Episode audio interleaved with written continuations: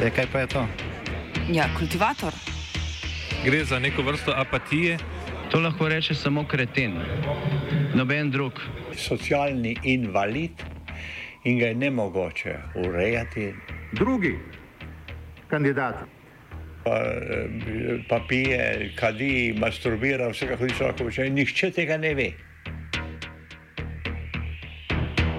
Vsak petek skultiviramo dogodek tedna. Lahko po kriterijih radio študent, težko pa po evropskih kriterijih. Ampak na drug način, kot vi to mislite. Kultivator vedno užge. Da pač nekdo sploh omenja probleme, ki so, in da pravzaprav sploh nekdo sproži dogajanje uh, v družbi. To drži, drži.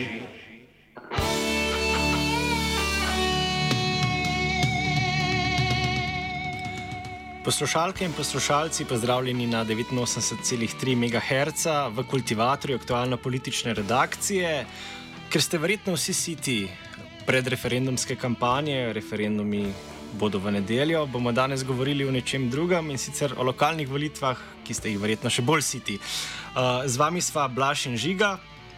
Živa. Torej, kot je že omenil Fabian, danes bomo govorili o lokalnih volitvah. To so volitve, ki potekajo vsaka štiri leta. Urška Hlagočar Zupančič jih je razpisala za 20. november. Od sprememba zakona dalje je sicer to edino glasovanje, kjer ni nikakršnega manevrskega prostora pri datumu razpisa volitev. Torej, njih prvi krok vedno poteka na tretjo nedeljo v novembru. Zakon je v obzir vzel tako slovensko posebnost Martinovanje, kar bi povzročil morbito nosip volilne deležbe, če bi te potekale na drugo nedeljo v novembru. Na njih volimo, na njih občanke in občani volijo župane in županje, svetnice in svetnike v občinske in mestne svete ter v krajevne četrtne in vaške skupnosti.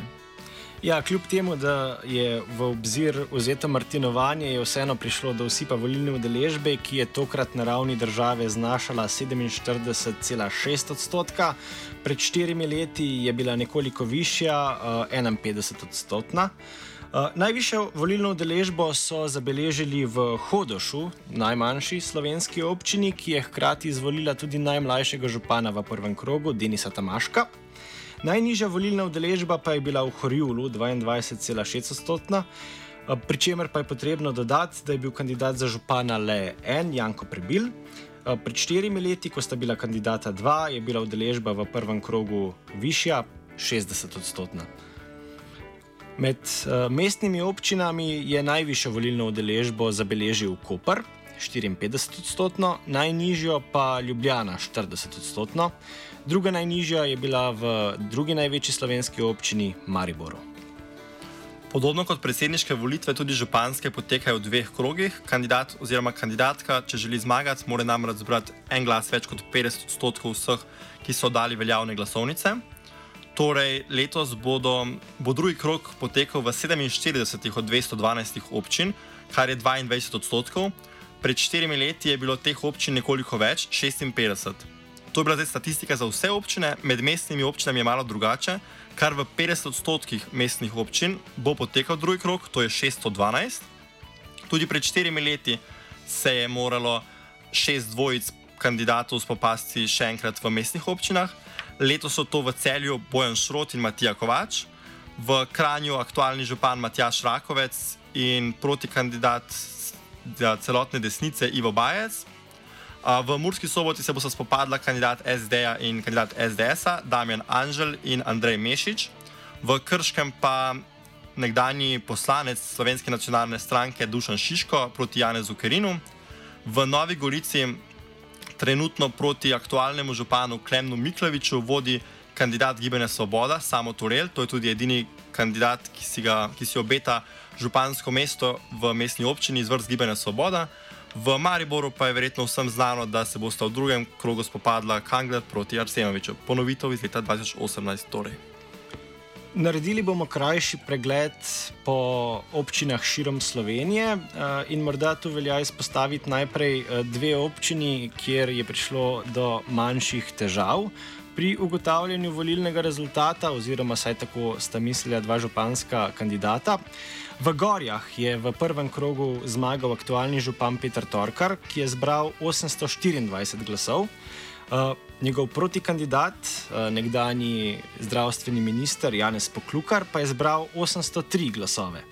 Uh, neveljavnih je bilo 24 glasov in Poklukar je na to zahteval uh, ponovno štetje, oziroma se je na izid pritožil. Uh, po ugodeni pritožbi uh, občinske volilne komisije pa nepravilnosti niso zaznali in je rezultat v tej občini tako ostal takšen, kot je. Druga občina, kjer je prišlo do zahteve po ponovnem štetju, pa je Bovec. Uložil jo je Kristjan Omerovič, eh, ki ga je do vrstitve v drugi krok eh, ločilo le nekaj deset glasov. Eh, tam v Bovcu je bila njegova, prito, njegova pritožba oziroma zahteva po ponovnem štetju zavrnjena, tako da do zdajšnji župan ostaja Walter Mlekuš ki je zbral uh, ravno dovoljšno število glasov, da je zmagal že v prvem krogu. Uh, tudi v nekaterih drugih občinah so bili rezultati zelo tesni. In sicer na Bledu, kjer je kandidata ločilo 1,4 odstotne točke, oziroma povedano drugače 51 glasov. Uh, tam bo potekal drugi krok, uh, v njega sta se uvrstila Anton Mežan in pa Janez Pfeiffer. Eh, zelo tesno je bilo tudi v Gorišnici, kjer je Borta Kolarja in pa Jožefa Petka ločilo le 13 glasov, in pa uh, v občini Kanal, kjer trenutna uh, županja Tina Gerbec uh, pred drugim krogom uh, vodi pred Mihom Stegeljom in sicer za 27 glasov. V javnosti oziroma v medijih se pojavlja veliko interpretacij, kako dobro oziroma kako slabo se je uvrstila največja vladna stranka, Gibanje Svoboda. Pa si mogoče pogledamo neka dejstva, da bomo lažje interpretirali njihov rezultat. Torej, če pogledamo samo rezultate parlamentarnih strank, se je Gibanje Svoboda med njimi najbolje uvrstilo v kar devetih občinah, to so Ljubljana, Maribor, Koper, Krško, Nova Gorica, Novo mesto, Slovengradec in Celje. V Murski soboti sta na prvem mestu med parlamentarnimi strankami izenačeni SD in pa Gibanje Svoboda. SD pa je um, prevzel oziroma ima med parlamentarnimi strankami največ svetnikov v Kranju, Ptuju in Velenju. To so, torej, Gibanje Svoboda je v bistvu zmagalo med parlamentarnimi strankami v vseh mestnih občinah, razen tistih, kjer so na zadnjih volitvah župana dobili socialni demokrati. Je pa tukaj treba poudariti, da gibanje Svoboda na ravni županov ni bilo pretirano uspešno. Namreč uh, edina kandidatka, ki je bila izvoljena, je bila izvoljena v občini Osilnica v prvem krogu, uh, drugi krog pa, kot rečeno, bo potekal še v Novi Gorici. Vendar je pa le tako, da na lokalni ravni seveda ima največjo težo, oziroma je najpomembnejša funkcija, funkcija župana, vendar noben župan brez uh, mestnega sveta, ki deluje in sprejema uh, predloge oziroma uh, odloke, tega pač uh, ne more sam voditi občina. Če si morda pogledamo še rezultate ostalih parlamentarnih strank, Najprej treba sicer mogoče omeniti, da od leta 2006 do danes je število svetnikov med temi uveljavljenimi strankami upadlo za 30 odstotkov. To lahko brez problema razložimo z nekakšnim trendom nestrankarskih kandidatur županov in zato so rezultati v absolutnih številkah temu primerni. Um, morda nekakšno presenečenje teh volitev, ki se pa v javnosti ne interpretira na ta način, je Nova Slovenija. Je edina med parlamentarnimi strankami, ki je od zadnjih volitev povečala število županov, hkrati pa je dosegla svoj najboljši rezultat v zadnjih 20 letih. Na drugi strani SDS, ki se je razglasila za zmagovalko teh volitev, ta je dosegla drugi najslabši rezultat od leta 2006 do danes. Enako SLS, to je celo njihov najslabši rezultat, zmanjšali so tudi število županov, število svetnikov pa se jim z vsako neuvrstitvijo v parlament dodatno upade tudi levica, ki je edina priznala nekakšen neuspeh na lokalnih volitvah, je to je jasno prepolovila število svetnikov. Morda, če se vrnemo spet k gibanju Svoboda in ga primerjamo z ostalimi liberalnimi strankami, če jim tako lahko rečemo, na zadnjih petih volitvah, to je najboljši rezultat vseh teh prevladujočih um, liberalnih strank v parlamentu. Dobili so okoli 400 svetnikov, SMC jih je pred 8 leti 293, LMŠ pred 4 pa samo 53.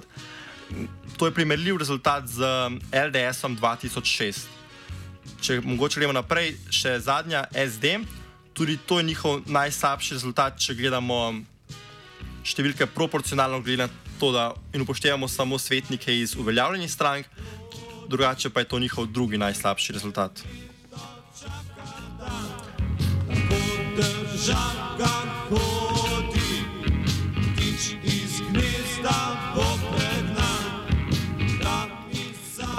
Torej, v glavnem mestu Ljubljani je zdaj že bliža se ne, večnemu županu Zoran Jankovič prepričljivo slavil. Uh, ni pa bila njegova zmaga prepričljiva, oziroma te zmage pravzaprav uh, niti ni bilo v mestnem svetu, kjer je izgubil večino in že pred volitvami je dejal, da se bo koalicijsko povezal z gibanjem Svoboda. Uh, potem verjetno so podpisali že kakšen papir, takrat se je govorilo tudi uh, to, da verjame uh, le na besedo.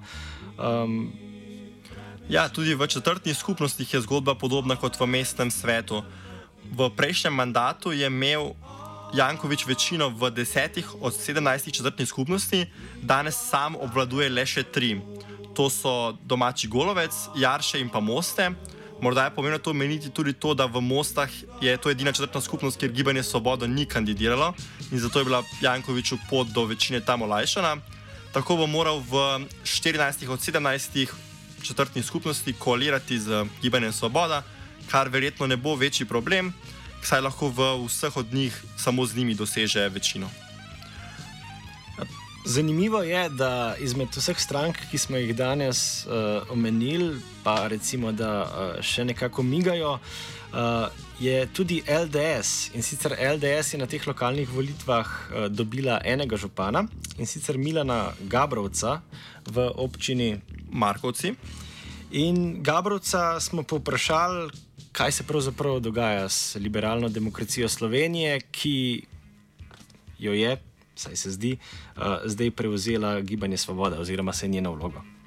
Glede na to, kako dolgo že se to, bi rekel, trudimo, še ena peščica ljudi, da bi se to vseeno nekaj eh, liberalne misli vrnilo v državni zbor, malo dvomim, da se bo to zgodilo, da bo prej se zgodilo kaj drugega. Ne?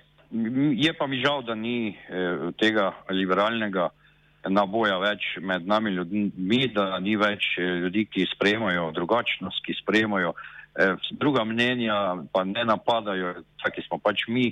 Ampak, gledajte, ena malinkost še nas je. Ja, mi še imamo neke sestanke na neki določeni čas, eh, vendar pa bi to eh, zdaj bilo kakršno koli neka podpora, ne, ni, razen moralna podpora enih 10-20 ljudi, ki, se, ki vem za njih, drugače pa verjetno, glede na to, da sem eh, volitve spet dobil, ljudje ne gledajo na podeželju na stranko, še manj na stranko, ki je v bistvu nič, tako pod narekovaj rečem, razen še na papirju. Govorili smo še z nekaj županskimi kandidati oziroma že izvoljenimi župani, za župana občine Lendava se ponovno poteguje Janez Mađar, ki je trenutno poslanec SDS-a v sklicu državnega zbora.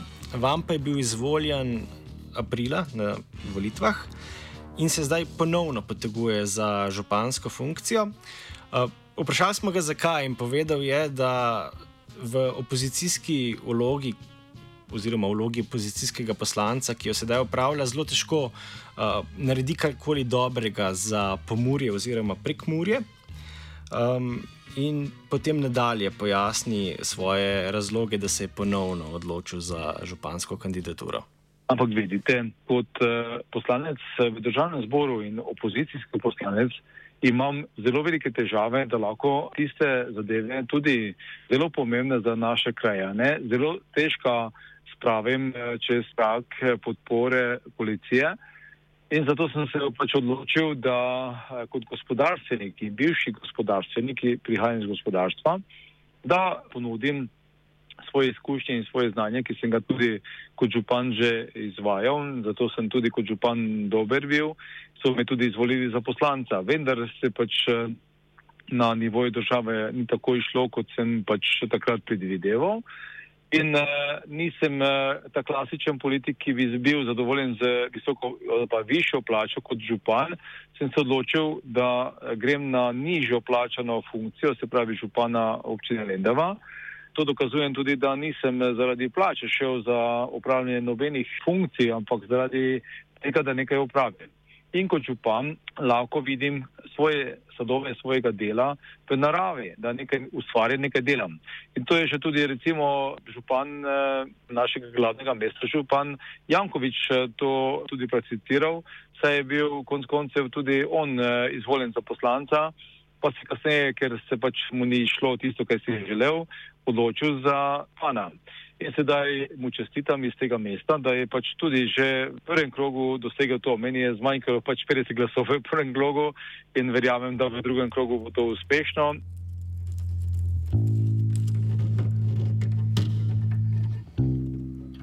Med 212 slovenskimi občinami pa imamo tri take, kjer so vsi mestni oziroma vsi občinski svetniki prihajajo iz iste liste. Samo ena izmed njih pa je taka, kjer so vsi tudi iz uveljavljene stranke to je Sveta Trojica v Slovenskih Goricah. Tja je bil za župana, tam je bil prepričljivo izvoljen David Klobasa, kandidat Nove Slovenije, od pred kratkim pa tudi uh, državni svetnik. Uh, osvojili so vseh 11 mandatov v občinskem svetu, David Klobasa jih imenuje kar županovih 11. Pa poslušajmo, kaj je povedal o tem in kako bo to vplivalo na njegovo županovanje. Ja, zagotovo um, precej več odgovornosti nosi uh, taka izvolitev. Seveda pa se bomo izognili raznim, raznim političnim igricam in nasprotovanjem samo iz principa, uh, kar smo imeli v prejšnjem uh, občinskem svetu, v bistvu kar pogosto. Uh, drugače pa ni neke velike spremembe, ker uh, v prejšnjem mandatu smo imeli z našo listo dvotretinsko večino. Nikoli si ne želim uh, postati šerif, želim si pa biti predvsem, uh, jaz vedno pravim, da uh, po moje se dobri župani ne merijo po kilometrih asfalta ampak postani duha, ki ga ustvarjajo v svojih občinah. Vsekakor pa sem zagovornik dveh mandatov, eh, tako da sem že ob izvolitvi napovedal, da je to moj drugi in zadnji mandat.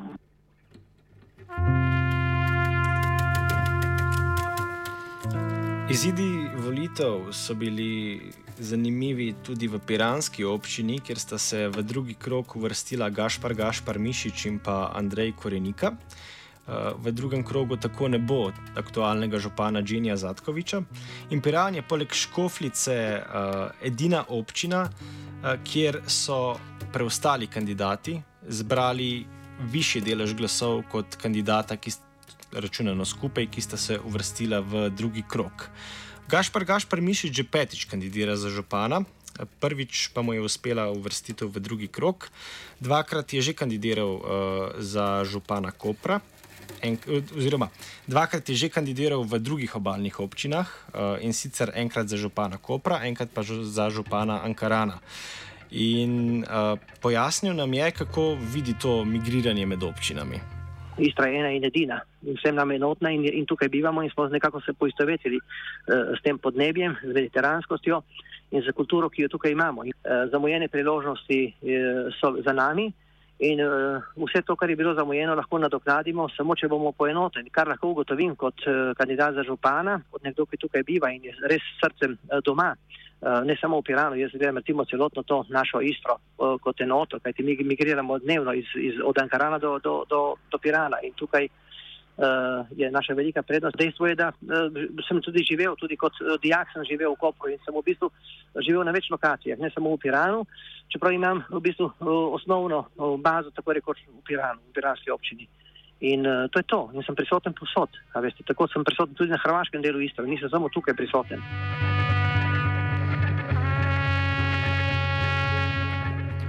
Gašpar Gašpar Mišič pa je povedal tudi, kateri so po njegovem mnenju tisti problemi, ki najbolj pestijo piransko občino. To sta Jrnev kanal, kjer se je po njegovih besedah že izkazal s svojim delom na komunalnih podjetjih v Piranu, predtem je deloval tudi v komunalnem podjetju v Kopru, to sta okolje in Marjetica. Povedal pa je tudi, da je velik problem vseh obaljnih občin parkirišča. Da ni bilo nobenega, ki bi se lotil tega problema bolje na način, kot sem se ga jaz. Ampak so prihajali številni ministri in uh, državni sekretarji in župani, ki so se izmenjavali, so se prišli poslikati, tu pa tam kakšno plovilo uh, potopljeno, ker jih ni bilo malo, odstraniti in odšli so v Ljubljano in spet se je tako agonija podaljševala skratka 30 let do mojega prihoda. Nimamo parkirišč niti za domačine, kje pa za turiste. In potem, ko turist pride k nam, zasede parkirno mesto domačinu in domačin se potem užali in ima občutek, da eh, mu turist krati njegove pravice in da bo potem posegal v njegov življenjski prostor in potem tukaj pride do slabe volje in tako naprej. Ampak brez zadovoljnega domačina uh, niti ni zadovoljnega turista, veste. Ko gre človek nekam na počitnice, se hoče spočiti, ne pa se nasekirati, eh, da pride nekam in da, da ima občutek, da je nekomu ukradel parkirno mesto, ker, ker, ker nekdo ni bil sposoben v, v, v preteklosti uh, rešiti ta, rekel, mirujoči promet. Takoj me je podprl Robert Fakin, uh, ker sva tudi prijatelja in uh, uh, krasno sodelujeva že desetletja tukaj ne vidim težav, tudi nekateri drugi kandidati napovedujejo, da me bodo podprli, nekateri pa sem tudi podporo zavrnil, zato ker eh, veste, ne, ne bom za vsako ceno sprejel podporo. Dokolikor gre za kakršnakoli kupčkanja predvolilna, uh, uh, tam, se, tam mene ni. Ko odidemo iz tega sveta, odnesli bomo samo tisto, kar smo drugim dali, je res. Verjetno res. Uh, selimo se na uh, tematiko večnih županov in sicer z besedo, besedno zvezo večni župani označujemo tiste župane, ki svoje občine vodijo od njihovega nastanka dalje. Uh, in sicer zdaj primo predaja poslov se bo v nekaterih občinah zgodila, v nekaterih pač ne. ne? Um, v Sloveniji 28 let, torej polnih mandatov, županuje 9 županov in pet izmed njih bo posle predalo kar samim sebi, saj so bili izvoljeni že v prvem krogu. Najvišji odstotek glasov izmed njih je v Zagorju ob Savi prejel Matjaš Švagan, ki je prepričal več kot tri četrtine vseh, ki so se v nedeljo, torej pred dvema tednoma, odpravili na volišča. Ja, moram reči, da tudi sam sem bil presenečen nad tem volilnim rezultatom za osmi mandat. To pomeni, kar poprečno 75 centov v prvem krogu v seštevek vseh uh, mandatov. Mislim, da je najbolj, ker ljudje cenijo, da ostaneš človek, da ne dobiš funkcijo in potem imaš drugačen odnos glede na posamezen mandat, uh, drugo poštenost in vsekakor, če storiš kakšno napako, je tudi odkrito priznaš in jo seveda skušiš tudi v prihodnem delu tudi odpraviti. Mislim, da je to glavni recept, ostati človek na prvem mestu in spoštovati vse ljudi. Švagam bo župansko funkcijo upravljal več kot 30 let in vprašali smo ga, kako se je po njegovem mnenju ta spreminjala skozi čas, ter če se namerava po izteku zdaj dobljenega mandata, čeprav je še zelo zgodaj, potegovati še za enega, torej v njegovem primeru devetega. Moje delo se je zelo spremenilo, predvsem če gledam prve mandate, pa prvo polovico mojih mandatov od osmih, je vsekakor bilo vidno.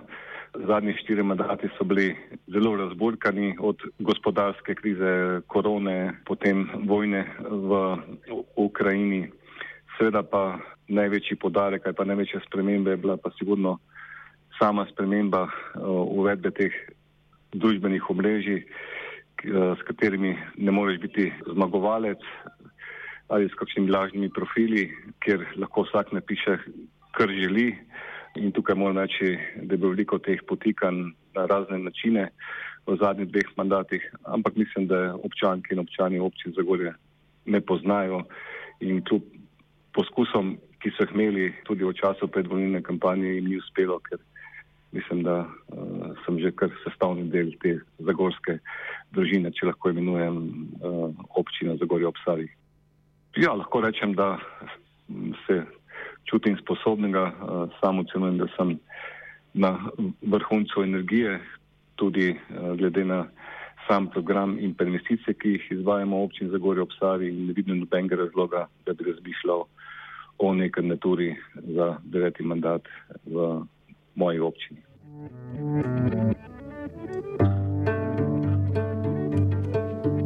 Mnogi župani, ki dlje časa volijo, vodijo svojo občino, pardon, se odločijo, da bodo nekako vzgojili svojega naslednika in nekoga iz liste, oziroma morda celo iz dosedanjih svetnikov, predlagali za naslednika, ki bo kandidiral na naslednjih volitvah po njihovi politični ali pa drugačni upokojitvi. Nekaterim potem tudi uspe naslediti tega župana, drugim spet ne. Zato smo Švagana vprašali, ne glede na to, da očitno računa uh, še na deveti mandat, uh, ali je sam že kaj razmišljal o tem. Ja, moja stranka ima 600 članov, tudi na moji listi 25 kandidatov in kandidatov za občinski svet. Lahko rečem, da sta sigurno dva, tri, ki so sposobni prevzeti v tem trenutku uh, vodenje občine.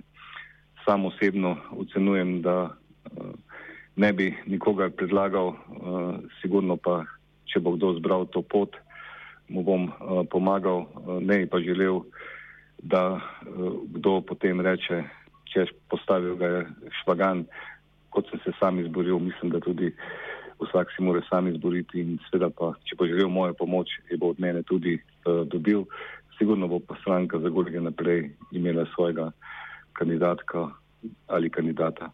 thank you Edini izmed večnih županov, ki ni bil izvoljen že v prvem krogu, je Franz Mužič iz občine Brda.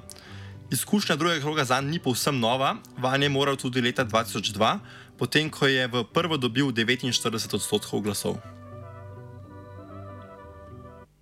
Eh, sigurno sem bil eh, tudi na to pripravljen, da bo šel drugi krok, ampak eh, z nekim drugim proti kandidatom, ampak je zdaj to, kar je in vsekakor gremo uh, naprej.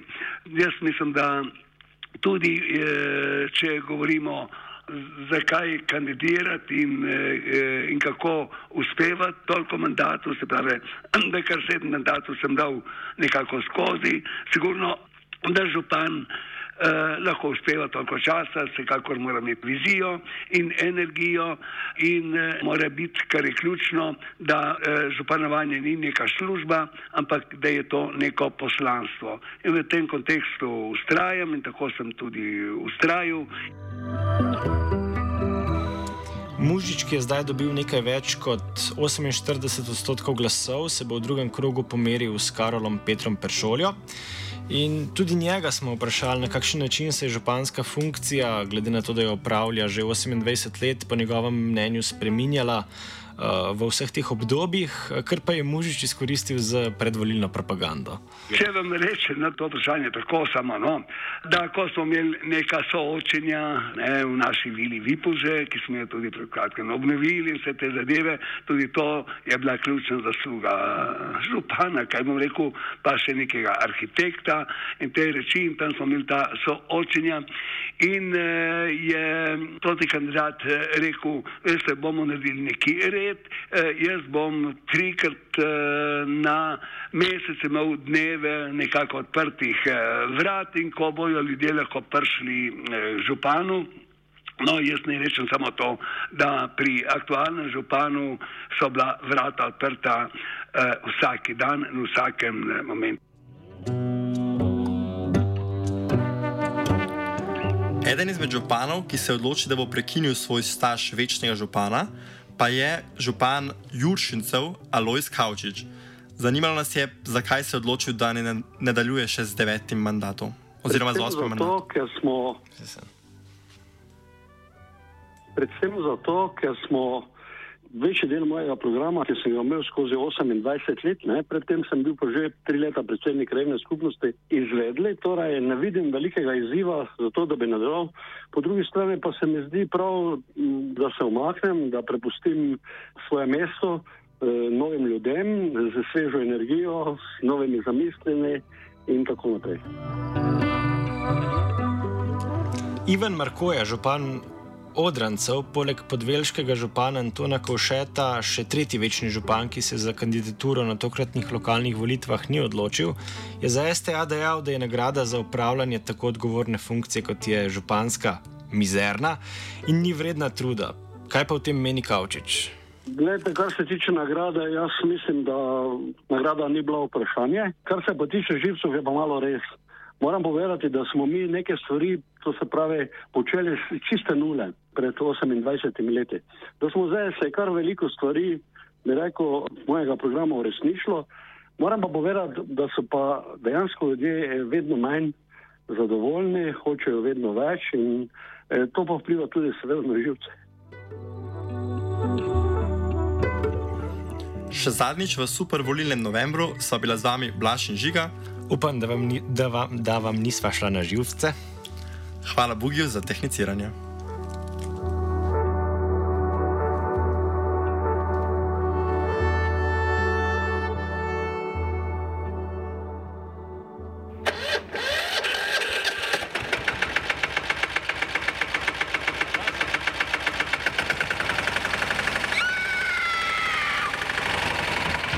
E, kaj pa je to?